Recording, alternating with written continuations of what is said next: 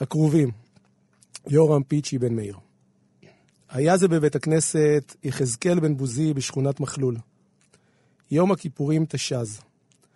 מבין הכפורת, מבין הקירובים, ליד עמוד התיכון עליו נכון בית הכנסת, קרא בעל התפילה, אדוני מלך, אדוני מלך, אדוני ימלוך. אותה שעה הייתה נכנסת יונה חולית מספר יונה, יונה כחולית מאופק ים התיכון, נושאת בכנפה אלם רחוקים ואושר כרובי, מלאך אלוהי. אותה שעה אדוני מלאך ושעה. אותה שעה הייתי לולאה אחת, נפש אחת במילואה. יונה נכנסת, לא כלואה. הערה לנדב העורך, נכנס פתיח של התוכנית.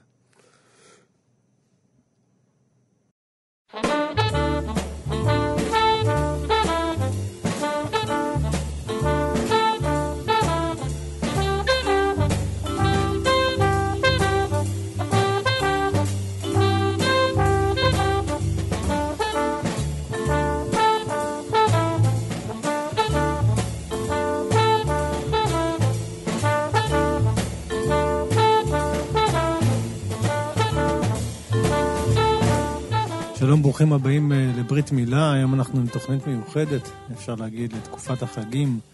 אה, ובעודי אה, תוהה מה יהיה ראוי ומה יהיה נכון לעשות, ממש משמיים נפל על השולחן שלי בדסק הספר שברים נאספים לשירה, שזה בעצם אנתולוגיה של שירה ישראלית המתכתבת עם תפילות הימים הנוראים, כפי שכתוב בכריכת הספר עצמה. והזמנו את העורך מרדכי דוד או מודי, מודי, מודי זה הכינוי, אה, לבית משפחת כהן, אה, שישוחח איתנו על הסופה הנהדרת, הפשוט נהדרת הזאת, אה, והמאוד מיוחדת הזאת. ואפשר כבר להגיד מראש, ואני חושב שזה מה שמאוד מאוד מעניין, שזו אנתולוגיה שממש התבקשה. זאת אומרת, אין פה איזו תחושה של אילוץ, זה, זה, זה באמת מאיר את, ה, את הקשר.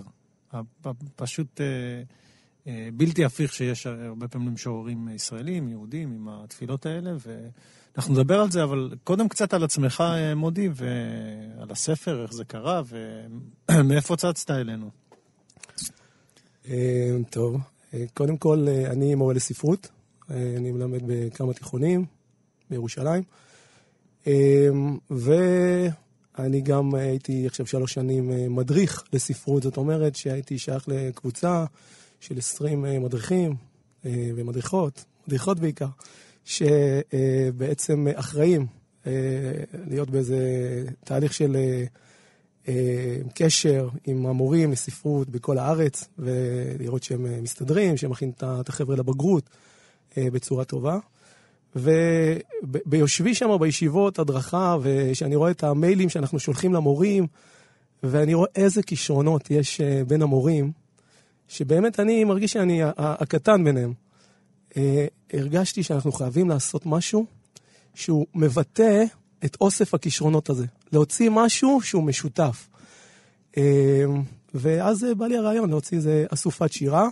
וזו, ש... וזו לא הראשונה, נכון? הראשונה היא בעצם אה, אסופה שהוקדשה לספרים, לשירים שקשורים ביציאת מצרים? כן, האסופה הראשונה נקראת הלילה הזה כולו שירה, והיא אוסף או אנתולוגיה של שירה ישראלית סביב אגדה של פסח וסיפור יציאת מצרים. שסיפור יציאת מצרים הוא מבחינתנו מטאפורה ליציאת מצרים של כל אחד מאיתנו היום, של החברה הישראלית, והמון המון שירה ישראלית שמדברת על זה, ובעצם מתכתבת עם האגדה, עם הסיפור העתיק הזה של יציאת מצרים.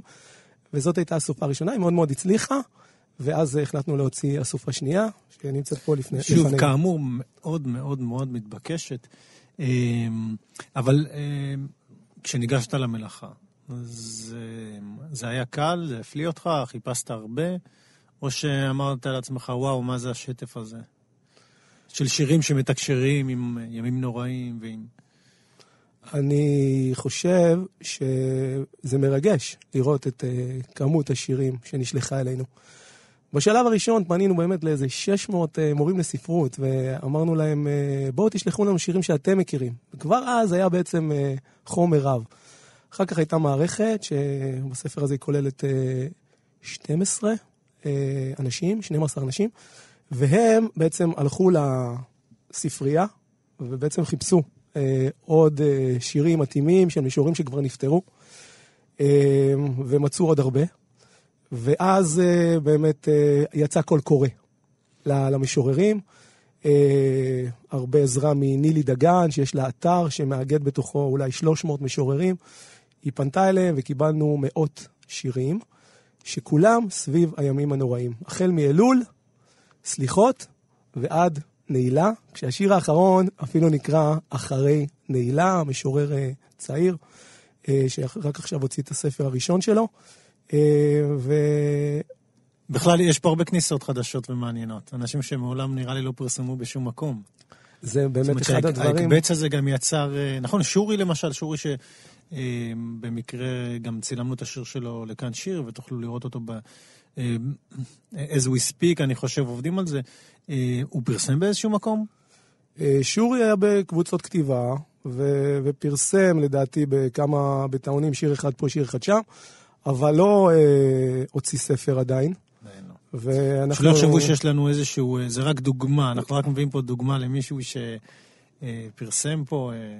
הדוגמה היא חשובה, כי יושבת מערכת מאוד רחבה, פשוט בוחרת את השירים שלדעתנו מתאימים מהבחינה הזאת שהם ייצרו דיון, שהם יעוררו. אני חייב לומר, תראה, בהרבה אנתולוגיות, ואנחנו תכף נדבר על הספר עצמו, כי אני חושב שזה גם מה שמעניין אנשים, ובכלל התרבות הישראלית, אבל הייתה לי איזושהי הערה פנימית כזאת, אמרתי, אני מכיר הרבה, אתה יודע, אנתולוגיות כאלה שהרבה פעמים מביאים כותבים צעירים וחדשים.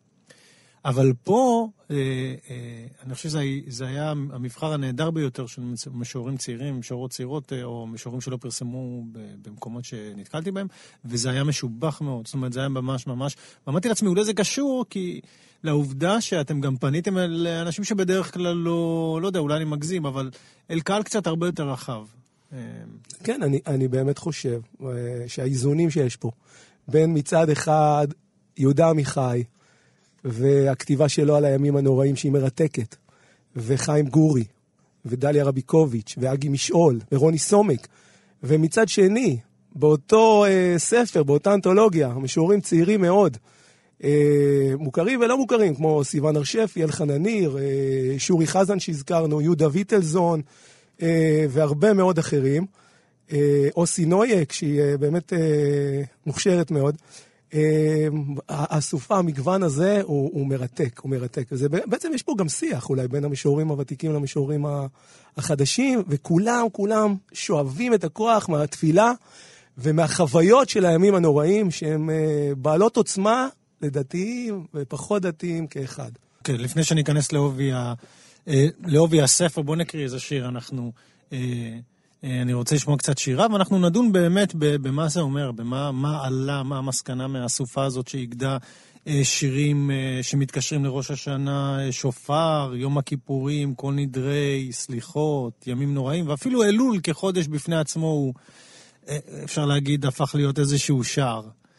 כמו שהוא בחיים עצמם. אני רוצה לקרוא את כל השירים, אתה יודע. כן, גם אני, גם אני. כל כך אוהב את הספר הזה. כן, מתקשר. אז עוד פעם, שברים נאספים לשירה, אני רוצה לומר שהשיר הזה שאני אקרא עכשיו של אה, אה, יהודה עמיחי, mm-hmm. אני שמעתי אותו, אני, אני מכיר את יהודה עמיחי, אבל אני שמעתי את השיר הזה בעוצמות, שאני הבנתי שיש פה משהו אחר בשיעור של חיים באר, שהוא כל הזמן מדבר על הקשרים האלה בין המקורות, בין התפילה לבין השירה הישראלית. אה, ואני, אתה יודע, זה מסוג השירים ששווה בשבילם להוציא ספר. וכבר כשאני שמעתי את זה, אני באמת היו לי דמעות בעיניים, ואני קצת הולך רחוק עכשיו עם, ה, עם השיר הזה, כי הוא באמת uh, קצת נועז, אבל אני חושב שבאמת uh, חשוב שנקרא אותו פה. השיר הזה הוא uh, מתוך uh, מחרוזת של uh, שירים, שנקראת ירושלים 1967. ביום כיפור, בשנת תשכ"ח, לבשתי בגדי חג כהים והלכתי לעיר העתיקה בירושלים. עמדתי זמן רב לפני כוך חנותו של ערבי, לא רחוק משער שכם. חנות כפתורים ורוכסנים וסלילי חוטים בכל צבע, ולחצניות ואבזמים, אור יקר וצבעים רבים, כמו ארון קודש פתוח. אמרתי לו בליבי שגם לאבי הייתה חנות כזאת, של חוטים וכפתורים. הסברתי לו בליבי על כל עשרות השנים והגורמים והמקרים שאני עכשיו פה וחנות אבי שרופה שם והוא קבור פה. כשסיימתי, הייתה שעת נעילה. גם הוא הוריד את התריס ונעל את השער, ואני חזרתי עם כל המתפללים הביתה.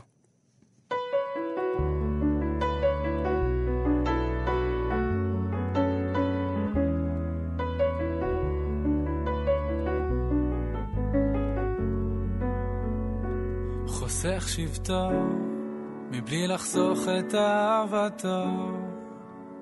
מושיט את שרביטו לכל העם פושט ידו. היי לא מעלים מעל צאן מרעיתו. גם כשאנו שברי כלים עודנו כלי חמדתו. תוכו רצוף אהבה רצוף אהבה, ביתו צפוף לרווחה, צפוף לרווחה, ממציא לנו מחילה, לא רק בשעת הנעילה, לך דומיה תהילה.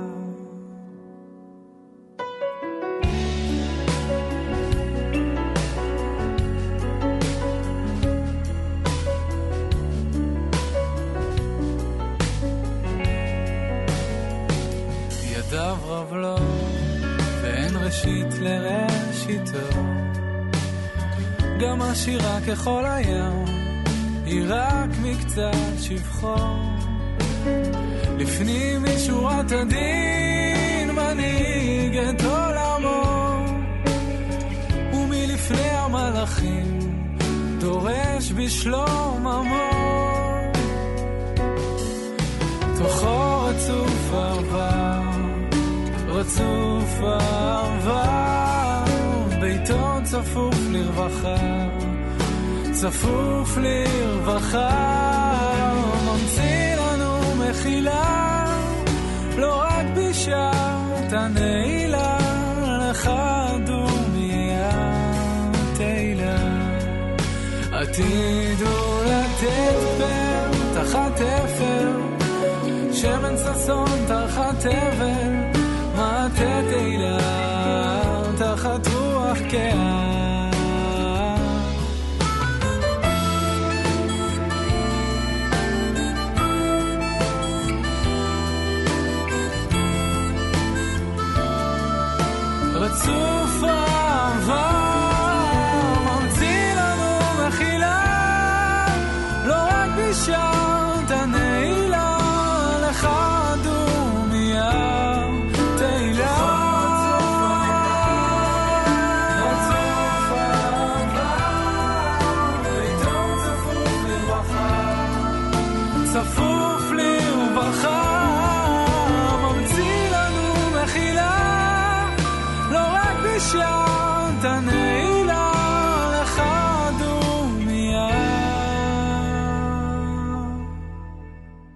אתם חוזרים לברית מילה עם תוכנית מיוחדת לראש השנה, חודש אלול, אה, חודש הסליחות, יום כיפור. אנחנו נמצאים עם מודי כהן שערך את האנתולוגיה אה, שברים נאספים לשירה. יש מאגדת בעצם את כל השירה העברית, אה, לא את כל השירה העברית שמתכתבת עם, עם החגים, וחלק נכבד ממנה אפשר להגיד, חלק מאוד מעניין ומרתק. ואני רוצה שניגע עכשיו באמת בלב הספר. אוקיי, מה המסקנה שלך? ואולי אני אשתף אותך קצת מראש. אני התחנכתי בחינוך דתי. כל התרבות שלנו הייתה תרבות תורנית. אה, אמנם בבית קראתי המון אה, ספרי חול, אבל אתה, אתה מתאר לעצמך ב, בישיבה, בית ספר היסודי, בישיבה, בישיבה התיכונית, זה, זה המון המון תרבות תורנית, גמרא, תורה, מדרשים, הכל. וכשחזרתי, אני לא רואה את עצמי כחוזר בשאלה, האמת, כן, עדיין רואה את עצמי כאדם דתי, אבל כשעזבתי את הדת, אתה יודע, כמו ש... אה, כמו שראיתי אותה כאיזשהו משהו שהוא אה, דווקא, אתה יודע, דווקא מפריע לי להגיע, אבל לא נתעכב על ההסבר, אבל כשהגעתי לעולם החילוני, הרגשתי ש, שבאיזשהו מקום מרגישים איזשהו קושי מאוד מאוד גדול להשתלב פתאום, כש, כשבעצם הגענו מנרטיב מאוד מסוים, אני מדבר על נרטיב תרבותי רוחני, כן? עזוב שנייה נרטיב אידיאולוגי, לנרטיב חילוני אה, תרבותי. שה... להגיד שאבני היסוד שלו הם קצת אחרים. אבל עדיין הגעתי עם מטען תרבותי מאוד מאוד מאוד עשיר מבחינה ספרותית. והרבה פעמים הוא גם היה זה ש, שנשענתי עליו. ואני אומר לך את זה כי אני שואל את עצמי, האם הרבה משוררים חילונים פה מתקשרים, או אה, הרבה פעמים אני חושב על זה במובן של יהודה עמיחי. זה המשענת, כאילו אין לנו משהו אחר. באותו רגע גם כשאתה רוצה לדבר שפה, אה, זה הכל מגיע משם, או מתוך, מתוך זה שאני לוקח משם, או מתוך זה שאני מבטל את זה לגמרי. אבל יש כל הזמן התייחסות לתרבות התורנית המאוד מאוד עצומה הזאת. אה, בהקשר הזה, אולי לפני שתענה או תרחיב מהנקודה הזאת, רוב המשוררים פה הם חילונים, הם דתיים, או שזה נראה לך חצי-חצי כזה? אני חושב שניסינו לעשות איזשהו איזון. אה, כלומר, זה משהו שמראש... אה, מראש, ובאמת כתבנו גם בהקדמה שהספר הזה הוא שיח דתי-חילוני, ושזה חשוב לנו מאוד לשמור על, על הגבולות. זאת אומרת, אם יש שיר שהוא מאוד חילוני, והוא מאוד מאוד קשה ומתריס ומזלזל, אז אה, לא, לא נכנס לאסופה הזאת, כי אתה רוצה לשמור על איזשהו קונסנזוס. אותו דבר מהצד השני, אם יש שיר שהוא מאוד מאוד אה, דתי והוא אה, מזלזל בצד השני, אז, אה, אז הוא לא יהיה פה. אתה רוצה מעולה, לשמור מעולה. על הגבולות. ו- ונראה לך שהייתה איזה, אם אתה הסתכלת על השירים שכתבו דתיים, או, היה נראה לך איזשהו הבדל מסוים? אולי בגישה, אולי בשימוש בשפה? או... אני, אני, אני באמת אמרו לי, אמרו לי, שאם אתה מסתכל טוב, אתה רואה שדווקא המשוררים יותר חילונים, יש להם המון המון געגוע בשירה שלהם. לעומת אנחנו זה... אנחנו מדברים על חילונים לגמרי, אתה, אתה הגעת אני... עד לרמה שאתה יודע, אוקיי, הוא פעם היה דתי, הוא למד בישיבה, הוא מכיר, הוא יודע, או שזה, או שזה חילונים שמכירים את זה כמסורת? תראה, מי שמתכתב עם התפילה, זה מישהו שחייב להיות אה, בילדות שלו מחובר לבית הכנסת.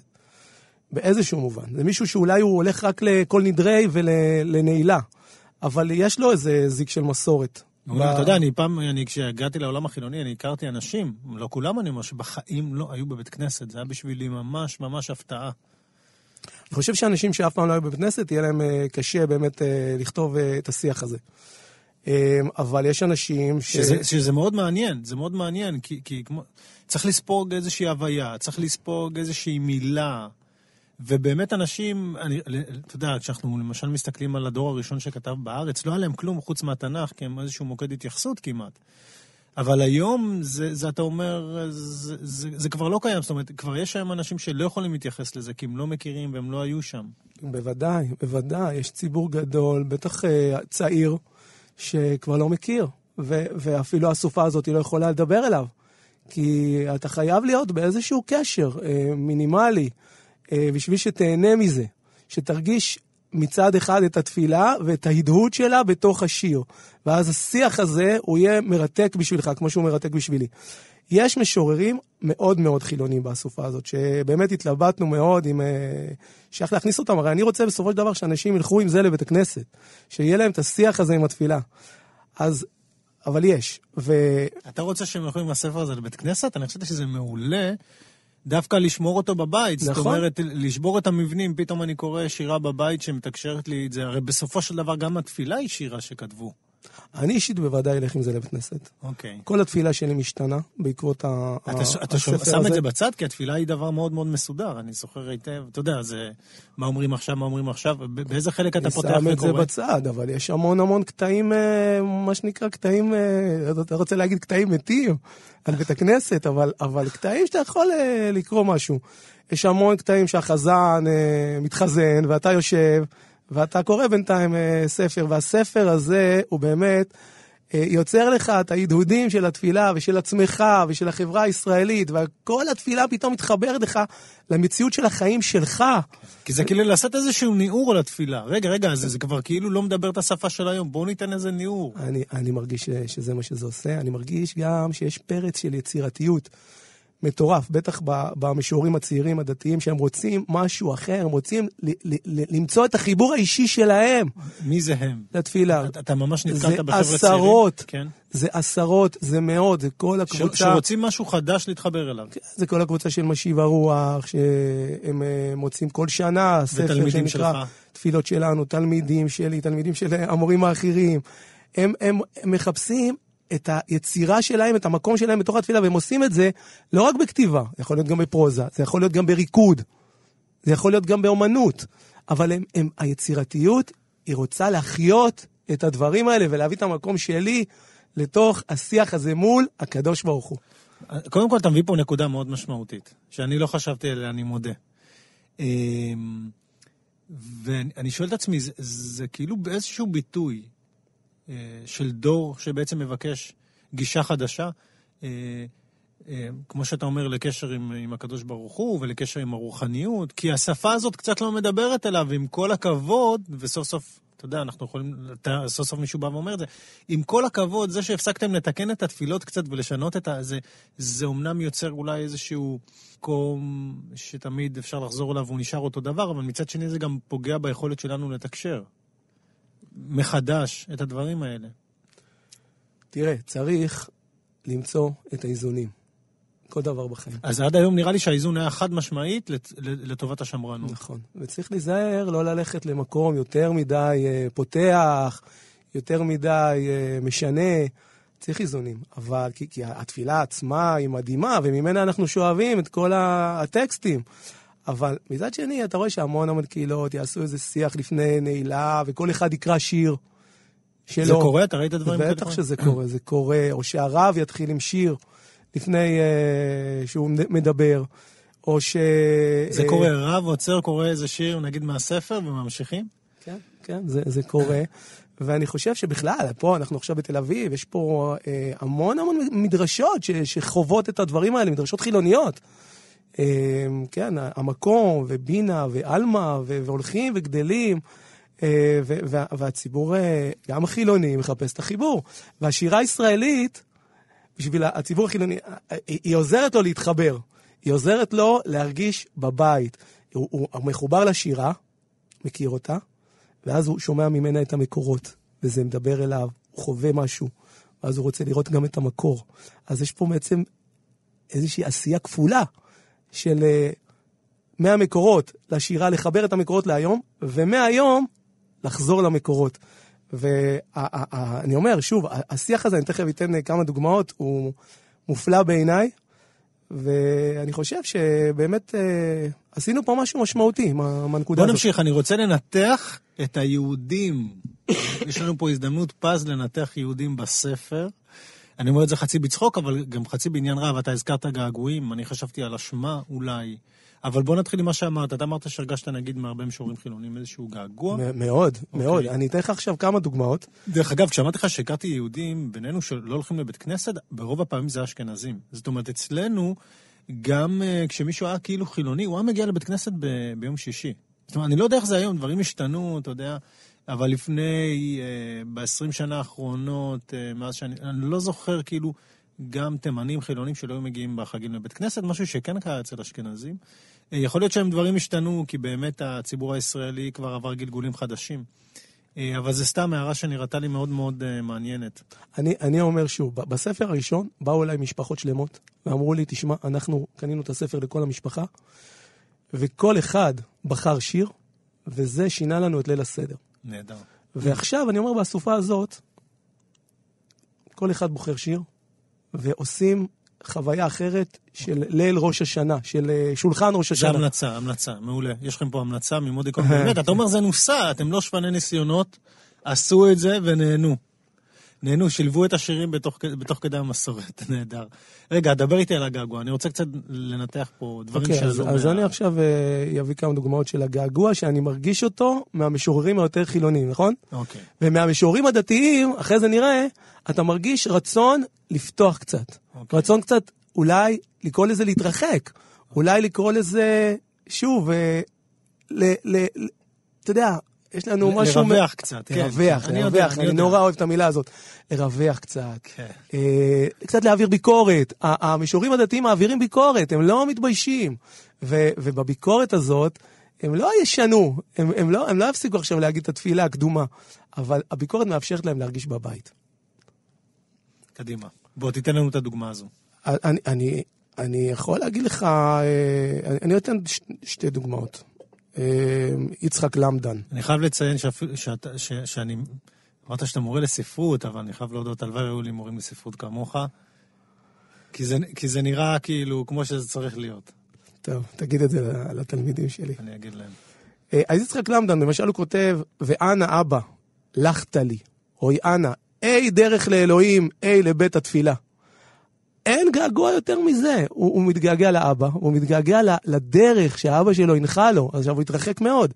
הוא אומר לו, אין אתה ידעת, כף לילה כבדה ואיומה לעיניי ללחצה, חושך, ואני קריאת שמע שכחתי. אצבעות תשרי דופקות בחלוני, ואני יחידי ודלתי בלא מזוזה. ואז הוא אומר, אבא, אבא, תן פנסך לי. אתה רואה את הקטע הזה שהגבאי הולך עם העששית לסליחות. אבא, אבא, תן פנסך לי, אקומה ואלך לסליחות. אז זה דוגמה אחת, זו דוגמה אחת של אה, אה, געגוע. ואם אנחנו רוצים אה, ללכת עוד יותר רחוק, שגעגוע שהוא מבחינתי, שוב, אני יכול להגיד שזה קצת מאולץ. כי באמת, אין פה געגוע. אבל אני מרגיש שיש פה געגוע מאוד חזק, ויסלח לי המשורר אם אה, כפיתי את אה, דעתי על, ה, על, ה, על השיר שלו. דרך אגב, אני. חייב, אני חייב להגיד שלכל שיר יש פה אה, התייחסות, שכתבו אותה המון המון עשרות מורים לספרות, ובעצם מה הספר הזה עושה? הוא לוקח את הכוח של השירה, יחד עם כוח של המורים לספרות, שהם לא ניתחו את השיר, אבל הם התייחסו אליו, הם יצרו איזו הערה, הערה באלף, ש, שפותחת אותו לדיון, שפותחת אותו למחשבה, שמעצימה את הקשר למקורות. ו, והמון אנשים באים אליי ואומרים לי, תשמע, בזכות הכתיבה על השירים, אנחנו מתחברים עכשיו לשירים, ומדרך השירים גם מתחברים הרבה יותר לחג. אה, אז השיר שאני רוצה לקרוא זה של חיים ספטי. בנתיבי אמונתו התמימה הובילני אבי. בנתיבי אמונתו התמימה הובילני אבי, וראש להם הימים הנוראים. בילדותי, בנעוריי המוקדמים, פתח לי שער. אתה רואה פה, כמעט כל אה, משפט הוא מתוך המקורות. ודבקה בי אמונתו תמימה ושלמה ואין בה פקפוק. דמה בעיניי, אלוהים עופף אותי עם העולם אשר מעליי ומסביבי בגלגל אחד של הוויה שלמה. חשתי בימי הכיפורים, נסלח לי בזכות תפילותיי וצומותיי על חטאים קטנים, שלא ידעתי כי חטאתי, אם חטאתי. פה אתה כבר מתחיל לראות את, ה, את, ה, את המקום הזה של הפקפוקים. ואחר באו ימי הסחף. יובלים ופלגים ונחלים ונערות זרמו בתודעתי, מוליכים את דברי המדע, את דברי ביקורת המקרא, פקפוקים לאין קץ, מהלך שנים ארוכות. פנו ימי האמונה מליבי, ננעל השער בפניי. ימים נוראים באו עליי. בבוא אליי תודעת מותי שלי באין אמונה בליבי, ואני שלם עם ימיי החדשים. ואני אומר שמרגש אותי לראות איך שלאורך כל השיר הוא בוחר במקורות מתפילות הימים, הימים הנוראים, מתפילת יום כיפור. פנה יום, פתח לנו שער, אה, ננעל השער, כדי לבטא את החוויה הרגשית, האישית, שלו, של ניתוק מתפילה ואמונה. מה זה מלמד?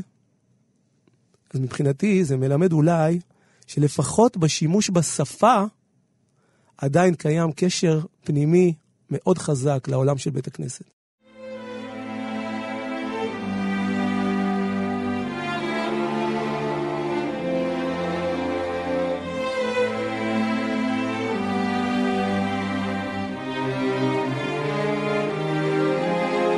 אולי בקרוב, אולי אחרי החגים, מי יודע, מי יודע, אולי במקרה כשכבר לא תצפה, מי יודע, מי יודע, בדלת הזו ומחוץ לחלום, עוד הכל מחכה.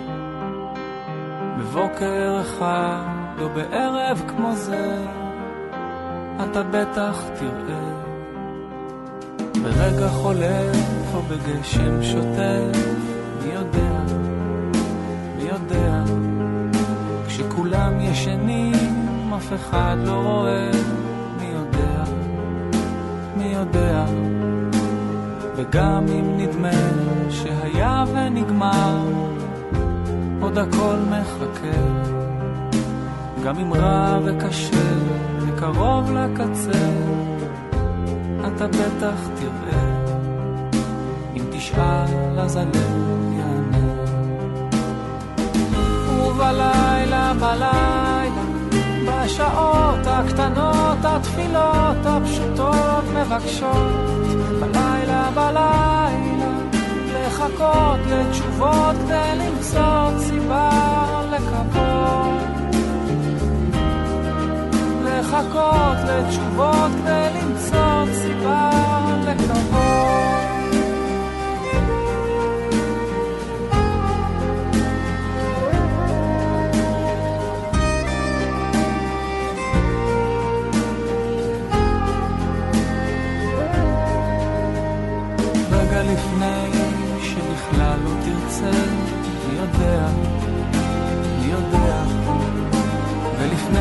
שתגיד שכבר לא משנה, מי יודע, מי יודע, ואם הטעם קצת מר ושורף בחזה, אז הכל יחכה. אתה כאן, יש עוד זמן, והכל ישתנה. אתה בטח תראה, אם תשאל אז הלב יענה. ובלילה, בלילה, בשעות הקטנות, התפילות הפשוטות מבקשות, בלילה, בלילה, לחכות לתשובות כדי למצוא סיבה לקוות.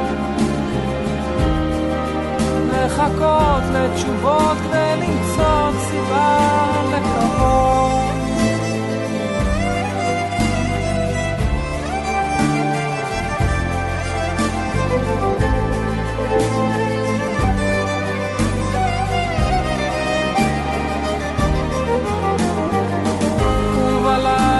בלילה, בשעות הקטנות, התפילות הפשוטות מבקשות, בלילה, בלילה, לחכות לתשובות כדי למצוא סיבה לקוות. לחכות לתשובות כדי למצוא סיבה לקוות.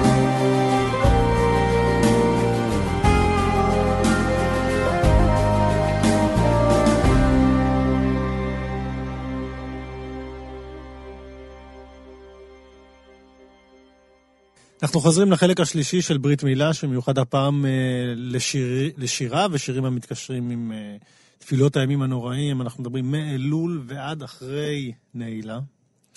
והזכרנו כבר תחושות שעולות שם, ועניין אותי לדעת האם גם יש תחושות אחרות. בכל זאת, הרי היהדות, ואנחנו מדברים פה על שירה שמתכתבת איתה, הרבה פעמים, האם היא גורמת לנו לחוש אשמה? אתה יודע, אני כל הזמן זוכר מהתפילה, אשמנו, בגדנו, גזלנו, דיברנו דופי וכולי וכולי.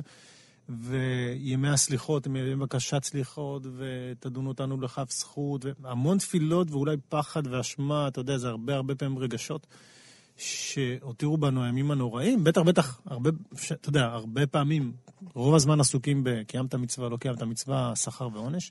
ורציתי לדעת, האם השירה פה הביאה לידי ביטוי את זה, או שנראה לך שהיא דווקא פתחה למשהו אחר? אה, אני חושב שכמו שאמרתי, שאצל המשוררים הדתיים, הצעירים, יש הרבה התייחסות לנושא הזה. הם רוצים, כמו שאמרנו, לרווח ובין השאר גם את התחושות של מה שאני מדבר עליו למשל? כן, כן, כן. קשה להם עם התחושות האלה של האשמה, של הווידוי, על חטא שחטאנו, על חטא שחטאנו, אשמנו, בגדנו, גזלנו. זאת אומרת, הם מבטאים פה בשירה את הפחד הזה מהאח הגדול, שכל הזמן אה, בודק להם במצוות מה עשית, מה לא עשית. כן, תשמע, גם הם אה, מרגישים, תשמע, אנחנו בסך הכל בני אדם טובים, אנחנו אה, דואגים לפרנס את המשפחה, ואנחנו מכינים סנדוויצ'ים לילדים בבוקר, ואנחנו משתדלים להיות טובים למי שצריך עזרה. ובסוף, רק להתמקד באשמנו, בגדנו, זה... קשה, זה, זה לא פייר. זה לא פייר. איפה ה... הכי חזק אולי אה, מבטא את זה אלחנן... יש לך דוגמה כזו? כן, כן, הכי חזק מבטא אולי אלחנן ניר. כן. בשיר שלו וידוי. עכשיו, שיר וידוי מדבר על הווידוי, אבל זה גם וידוי כן. שלו על הווידוי. אוקיי, גדול. עכשיו הוא תלמיד חכם, הוא רב. כן. והוא... אה, אה, בכל זאת הוא מרגיש שהוא צריך להתוודות. אז זה מאוד חזק. אז הוא כותב וידוי. שוב, כל משחק התפקידים הידוע. הנה, אני מודיע מראש, אנחנו אשמים. לעולם. מההתחלה ועד הסוף.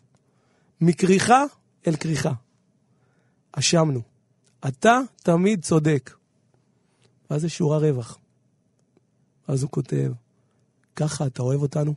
הוא מלמד דרך אגב היום? כן, בוודאי. שזה מסר שאולי תלמידים מרדנים היו אומרים אותו פעם. בדיוק, בדיוק. פעם, לא רבנים. פעם זה היה מקום שהיו אה, זורקים אותך מהישיבה. כן. היום זה, זה, בוודאי שהוא ימשיך להגיד את הווידוי. יש את זה גם מהכיוון הנשי. כן, אנחנו יודעים, כן, אה, כן. אתה יודע שלמשל בימים אלה אה, יש קצת את כל הדיון על נשים שרות ו... בכלל, כל הספר הוא מאוד מאוזן מבחינת הקול הנשי, הוא מאוד מאוד דומיננטי פה ב... בספר. אז תראה איך אה, סיוון הרשפי, שואלת חשובה, אה, מתייחסת לאותו דבר בדיוק, לאשמנו בגדנו. אלחנן לקח את זה מהמקום, אני לא יכול יותר. זה הווידוי שלי, ככה אתה אוהב אותנו. הוא רוצה שיח אחר. והיא יצרה את השיח האחר. Okay. אוקיי. כתבה אותו. בוא נשמע. אז היא כותבת, קוראת לשיר שלה עם יד על הלב. שזה כבר נורא יפה, כי זה גם האשמנו בגדנו שאתה מכה על החזה, עם יד על הלב. אשמנו, בגדנו כל פעם המכה הזאת. והניגון הזה, הניגון שאצלנו אשכנזים, אני, אני אמרתי, אני חייב אה, להגיד אותו, לנגן אותו, הניגון הזה, איי איי איי, איי איי איי, איי איי איי, אשמנו, בגדנו, וככה הולכים, אות אחרי אות, לפי א' ב', עד ת'. מכריכה לכריכה, כמו שאמר אלחנניר, אנחנו אה, אשמים. מה היא עושה? מאות לאות עד כל ה-20, אני זוכר הכל, תאמין לי. מאות לאות. עדיין בעל פה. מכריכה לכריכה זה גם ספר הזיכרונות שעומד לפני הקדוש ברוך הוא. ואנחנו יודעים שכתוב שם הרבה דברים טובים עלינו. בכלל, השיח היום הוא אחר. שיח מכיל, שיח מפרגן, שיח מעודד. בואו נראה מה היא כותבת. במקום אשמנו, בגדנו, מה היא כותבת? אהבנו, בגרנו, גדלנו, דיברנו, יופי. הבאנו והשפענו, זיכינו, חילינו, טבלנו אמת, יעצנו טוב, כספנו, למדנו, מעדנו, נפלנו? שמחנו עליך. פעלנו, ציפינו, קיווינו אורך, רשמנו שהבטחת, שלך תמיד תמימך. טוב, זה נהדר. זה, כל, זה, זה ממש תמונת מראה, ממש ממש, של, אה, של המקור. ו, ובמקום באמת, לה, זה, זה, זה, זה, זה כמעט התרסה שלמה על, על, אתה יודע, על, על דמותה ועל איך אמורים לפרש את התפילה. אה, ואנחנו יכולים באמת לזכור שאם המקור שלנו התורה, אז באמת יש כל מיני פרשנויות, ואין לי ספק ש, שהמשוררים כאן מצליחים להעיר את העובדה שבעצם התפילה, למשל, או הנרטיב הוא, הוא פרשנות מאוד מסוימת. כי אנחנו יכולים להגיד, התורה היא כולה ואהבה. ואהבת לרעך כמוך, כל התורה על רגל אחת, כמו שאמר הלל הזקן. ונראה שכאילו המשוררים לוקחים פה את התפקיד כדי לבוא ולהזכיר את זה ולשנות את זה. אני, אני רק, חשוב לי להעיר, אתה יכול לקחת את השיר למקום של התרסה, אבל אתה לא חייב. אני אומר, אתה יכול לומר, ברור לי, שסיוון הר שפי וגם אני, אנחנו נעמוד בבית כנסת ואנחנו נבכה. מה זה התרסה? אני אומר לך שזה ניפוץ. אני מרגיש את זה. אתה אני מרגיש יודע, את אני יודע מה ההרגשה של האשמנו בגדנו עשתה לי, ואני יודע מה ההרגשה של השיר הזה עושה לי. אבל אני, אז בגלל זה אני חייב להעיר, הרי אני בן אדם דתי. בסופו של דבר אנחנו נחזור לבית כנסת ואנחנו נשיר "אב- אשמנו בגדנו ואנחנו נבכה ואנחנו נכה על הלב, ואני אגיד את זה הרבה יותר בכוונה. כי אני היא יודע... שכנעה אותי שזה מה שאני צריך להגיד. בסדר. אז אם אותי- אני אחזור לבית כנסת, אני אקח את השיר אז אני- אותי היא שכנעה, הזה. היא שכנעה להגיד את, ה, את המקום הקשה עוד יותר בכוונה, אבל בידיעה שיש משהו אחר שמשוחח עם זה, שיש משהו אחר עליי, שיודע שאני בן אדם טוב. אוקיי. נהדר, עם מה אנחנו נסיים? אה, מה אנחנו נסיים? וואי, קשה לי לבחור. נגיד בינתיים תודה לנ- לנדב אלפרין, אה, העורך של התוכנית, אה, לאייל שינדלר, הטכנאי. תודה למודי כהן שהגיע לכאן לשוחח איתנו על הסופה הזאת, שברים נאספים לשירה, שמכילה שירים רבים שמתקשרים באופן, אפשר להגיד, לא רק נפלא מבחינה, מבחינה של, מבחינת שירה, אלא גם בעצם עם עצם ההוויה שלנו. אני אולי אסיים, ברשותכם, עם שיר של אה, גם משוררת אה, מאוד חשובה בשם בקול סרלוי. אה, בקול כותבה שיר שקוראים לו תשרי, ואני, לפני שאני אקרא אותה, אני רוצה לומר מילה אחת על השיח הזה, שוב, שדיברנו עליו בין הטקסט לבין היום. אני, מה שנורא אהבתי בשיר, שוב, שהיא לוקחת את השברים, השברים של התקיעה, ויש לנו תקיעה שברים תרועה, והיא כותבת בשיר שברים, שברים, שברים. שזה גם השם של הספר, שברים נאספים לשירה, יש הרבה הרבה שברים בספר הזה, אבל בסוף השברים נאספים לשירה, אבל יש שברים, ואי אפשר להתעלם מהם. אתה מביא אותם לתפילה. והדבר השני שהיא כותבת, אדם יסודו מעפר וסופו לעפר. אז מה היא עושה מזה? אדם יסודו מעפר וסודו לעפר. השינוי הזה של אות אחת, הוא מדהים בעיניי, הוא מפליא אותי. סודו, אדם, אפילו את הסודות הכי אישיים שלו, אין לו עם מי לחלוק. הוא, הוא, הוא, הוא, בא אל מותו עם הסודות שלו לבד. אדם יסודו מעפר וסודו לעפר. ועוד שינוי שהיא עושה, אז היא אומרת, מי במים ומי באש, והיא מוסיפה, ומי ברוח. מי ברוח, שזו התוספת שלה, היא מופלית בעיניי בגלל שיש לה המון משמעויות, אבל משמעות אחת שאני רואה, מי עף ברוח, מי נעלם, מי לא מצליח לממש את עצמו. כל כך הרבה אנשים בינינו שהם מתוסכלים, שיש להם פוטנציאל אדיר והם לא מצליחים לתת לזה ביטוי, מי ברוח. וגם אנשים שרוצים להיות בחיי רוח, אבל הם לא מצליחים כי המציאות היא כל כך מסובכת ומלאת סידורים ודברים קטנוניים. אתה לא מצליח להגיע, ו- ופרנסה. איפה הרוח? תשרי, בקול סרלוי. אל תיעלם אוזניך. אל ייעלמו ימיי. אדם, יסודו מעפר, וסודו לעפר, את נפשו יביא. והעין, מה שכיסתה הרוח, ולילה חושך עולם ואוצר החיים, ומי ברוח. ובוקר, ילדות קטנות עפות כציפורים, ושברים, שברים, שברים.